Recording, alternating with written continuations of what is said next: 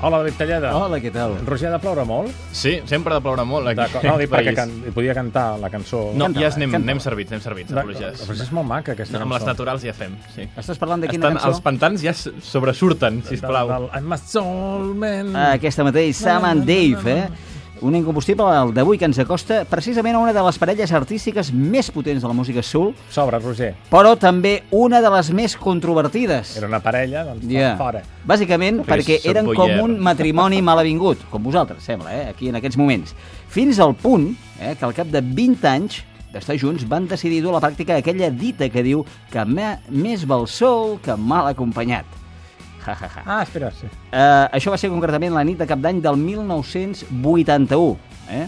que va ser quan van actuar per última vegada i quan van acabar el concert, que es va fer a Nova York, Sam Dave van trencar relacions diplomàtiques, però del tot, eh? Mai més es van tornar a dirigir la paraula i, de fet, no ho van eh, poder tornar a fer mai més perquè Dave Prater va morir el 9 d'abril del 1988. I Potser l'altre mm, ara va la tomba i li parla, però clar, l'altre ja no li contesta. Bé, escolta'm, ja saps, Londres, 2012. Ressuscitem els morts. Per què no? Eh, mentre van estar en actiu, van ser, això sí, el duet més popular de l'època i entre els nombrosos sobre, eh, sobrenoms amb què els van batejar hi ha Double Dynamite, Double Dynamite. The Sultans of Sweat, eh, suet de suor, si no seria suite de dolçor, Sí. i també, aquesta m'ha intrigat molt, The Dynamic Duo. Aquí no sé si es van inspirar en el duet dinàmic català, perquè hem de tenir en compte una cosa, Ramon Arcusa i Manuel de la Calva van començar abans, el 1959. Calla, inspiració de, Ep, del això, duo dinàmico. eh, això ho seguiré, eh? Seguiré investigant. Però si Sam and Dave van ser, sens dubte, els millors executors del Soulman, darrere d'aquesta peça hi havia, com sempre acostuma a passar, un parell d'excel·lents compositors. Un era Isa Hayes, l'altre era el Dave Porter, no confondre Ah. Dave Porter amb Dave Prater, que era el de Sam and Dave. Eh? Va, Dues persones diferents. perdut, eh, jo. Mm, No, home, no, és fàcil trobar-te. Vols una brújula? Sí.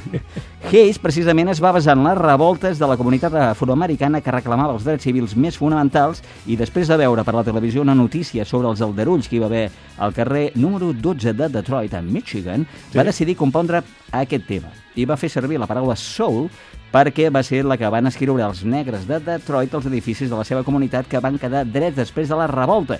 I d'aquí un trosset de la frase de la cançó que diu I'm a soul man, it's a pride thing.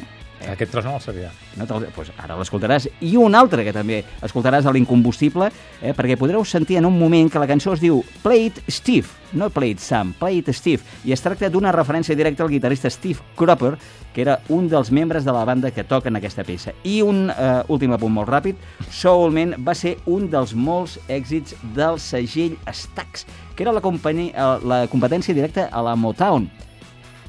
Va ser molt curiós perquè aquesta companyia, Stax, eh, amb seu a Memphis, la van aixecar els germans Jim Stewart i Estelle Axton, que eren blancs i fanàtics de la música country, però van acabar fent negoci en la música negra soul.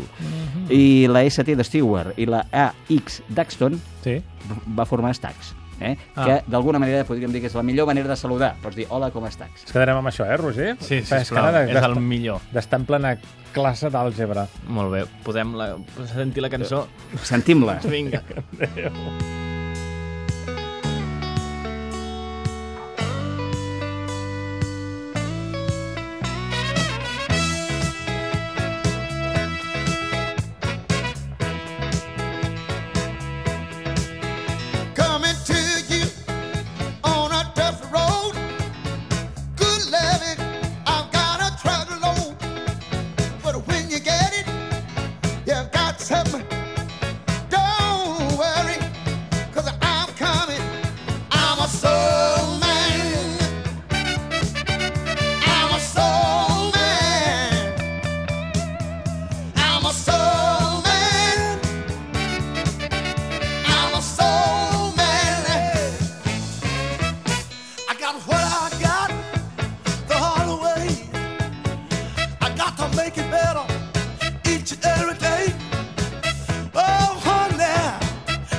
you fret because you ain't seen nothing yet.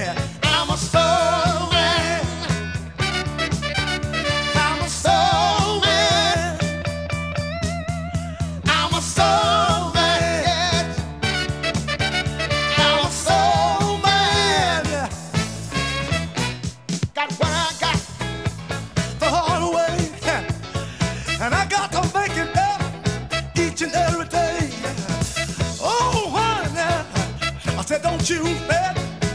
Because you ain't seen